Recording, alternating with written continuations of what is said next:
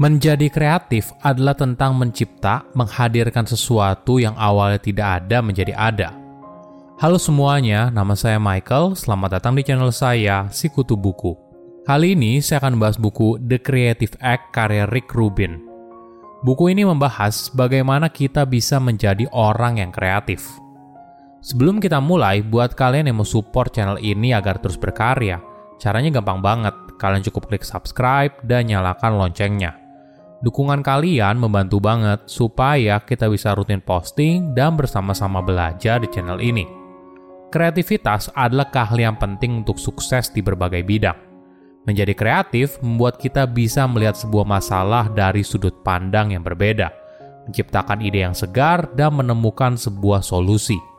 Menariknya, kreativitas bukanlah anugerah segelintir orang, bukan juga merupakan bakat yang dimiliki seorang dari lahir Menjadi kreatif adalah sebuah keahlian yang bisa kamu kembangkan melalui latihan.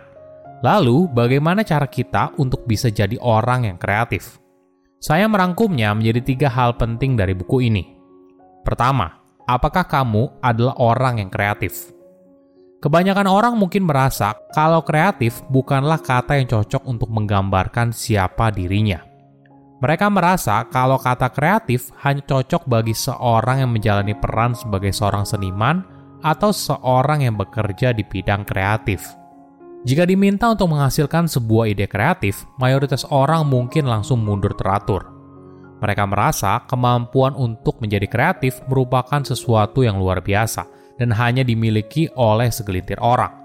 Tapi, apakah kamu tahu kalau kenyataannya tidak begitu? Kreativitas bukanlah sebuah keahlian yang langka dan sulit dimiliki. Kreativitas adalah aspek fundamental dalam diri kita sebagai manusia. Kita semua bisa kreatif. Perlu digarisbawahi kalau kreativitas itu tidak eksklusif kamu menciptakan sebuah karya seni. Tidak. Kita semua bersentuhan dengan kreativitas dalam menjalani kehidupan sehari-hari. Kreativitas mungkin bisa diartikan sebagai aksi menciptakan sesuatu yang tidak ada menjadi ada bisa artinya percakapan dengan seorang, solusi atas sebuah masalah, sebuah catatan kepada seorang teman, rute baru untuk menghindari jalanan yang macet, dan sebagainya. Namun memang beberapa orang ada yang lebih peka pada kreativitas daripada yang lain. Bukan karena mereka lebih kreatif daripada orang lain, mungkin karena mereka berlatih untuk memperhatikan dunia. Melatih diri mereka untuk melihat tanda yang lebih halus menyadari apa yang menarik kita, dan menghempaskan kita dari sesuatu. Menjadi seorang seniman adalah tentang bagaimana kamu berada di dunia, bukan seberapa produktif atau seberapa banyak kesuksesan yang kamu capai. Berikan waktu untuk dirimu tenggelam dengan apa pun yang terjadi di sekitar, entah angin yang bertiup di wajahmu atau gesekan antara telap kaki dan lantai yang kamu pijak. Biasakan juga untuk membuat dirimu lebih sadar dengan sekeliling mungkin kita bisa menganalogikan sumber kreativitas sebagai sebuah awan. Sebuah awan tidak benar-benar menghilang, namun hanya berubah bentuk. Awan bisa saja berubah menjadi hujan, lalu menjadi bagian dari laut dan menguap kembali menjadi awan. Sama halnya dengan sebuah seni.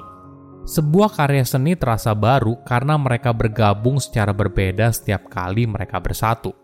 Sama halnya dengan tidak adanya dua awan yang sama ini alasan kenapa kita bisa terhubung dalam tingkatan yang lebih dalam terhadap sebuah karya seni. Mungkin ada perasaan familiar yang datang tapi dalam bentuk yang asing. Atau mungkin saja sesuatu yang tidak kita ketahui hingga akhirnya kita menyadari apa yang kita cari. Sebuah potongan puzzle yang hilang.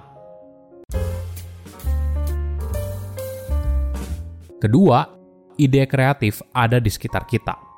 Jika kamu punya sebuah ide yang membuatmu bersemangat tapi tidak kamu wujudkan, tidak jarang ide tersebut bisa muncul di tangan orang lain. Bukan karena idemu dicuri oleh orang lain, tapi karena ide tersebut menemukan waktunya untuk hadir di dunia.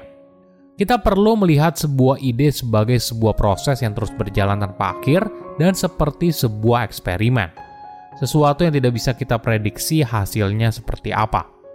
Tapi, apa pun hasilnya, informasi tersebut berguna untuk eksperimen berikutnya. Ini adalah pola pikir yang perlu kamu miliki dalam menjalani proses kreatif. Kamu tidak berusaha memberikan penilaian baik atau buruk, benar atau salah. Kreativitas merupakan momen kamu bermain tanpa aturan. Pola pikir ini akan membantu kamu untuk sepenuhnya tenggelam pada apa yang kamu kerjakan. Jadi ibaratnya kamu sedang bermain ya untuk main, bukan untuk menang. Berusaha menghasilkan sesuatu yang sempurna justru bisa menghambat proses kreatif. Karena kamu tidak lagi berkarya untuk berkarya. Untuk menghadirkan sebuah ide menjadi sebuah kenyataan, ada empat fase yang perlu kamu lalui. Pertama, seeds ini adalah fase di mana kamu mengumpulkan ide sebanyak-banyaknya. Kamu membuka perhatianmu pada dunia, mengundang semua inspirasi yang bisa kamu tampung. Ibaratnya, kamu sedang mengumpulkan biji sebanyak-banyaknya yang lalu kamu akan tanam. Tugas kamu di fase ini bukan untuk menghakimi ide yang muncul atau berpikir soal ide tersebut. Fokusnya hanya mengumpulkan saja. Kedua, experimentation ini adalah momen di mana kamu bermain dengan ide tersebut.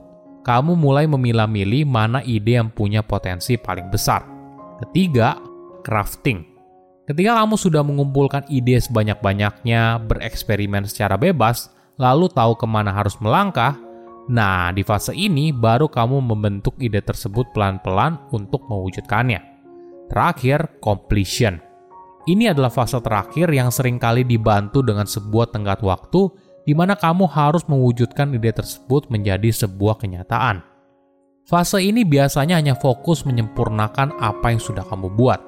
Artinya, ini adalah hasil terbaik yang bisa kamu buat. Fase ini bukan soal menemukan sesuatu atau menciptakan sesuatu, karena sudah kamu lakukan di fase sebelumnya. Ketiga, tips untuk jadi kreatif. Bagaimana caranya untuk jadi kreatif? Pertama, luangkan waktu untuk kreativitas. Langkah awal untuk jadi kreatif ada meluangkan waktu untuk sesi kreatif. Kreativitas membutuhkan perhatian yang fokus, sesuatu yang sulit dicapai dalam jadwal yang padat. Jadi, kamu perlu meluangkan waktu. Sebagai contoh, penulis yang merupakan produser musik terkenal di balik berbagai artis seperti Johnny Cash dan Jay-Z meluangkan waktu setiap hari untuk mendengarkan musik yang baru dan mengeksplorasi berbagai jenis suara yang baru. Dengan mendedikasikan waktunya untuk proses eksplorasi kreatif, penulis membuat pikirannya kembali segar dan terbuka pada berbagai ide yang baru. Kedua, jaga ekspektasimu ketika memulai. Saat kecil, kita bahagia saat melakukan apa saja, bahkan hal kecil sekalipun. Kita membangun istana pasir atau menggambar dengan krayon, lalu menunjukkannya kepada orang dewasa. Sebelum kita sempat mendengar apa responnya, kita sering kali sudah keburu pergi dan mulai mengerjakan hal lain. Namun seiring bertambahnya usia, ada beban di pundak kita untuk tampil sempurna.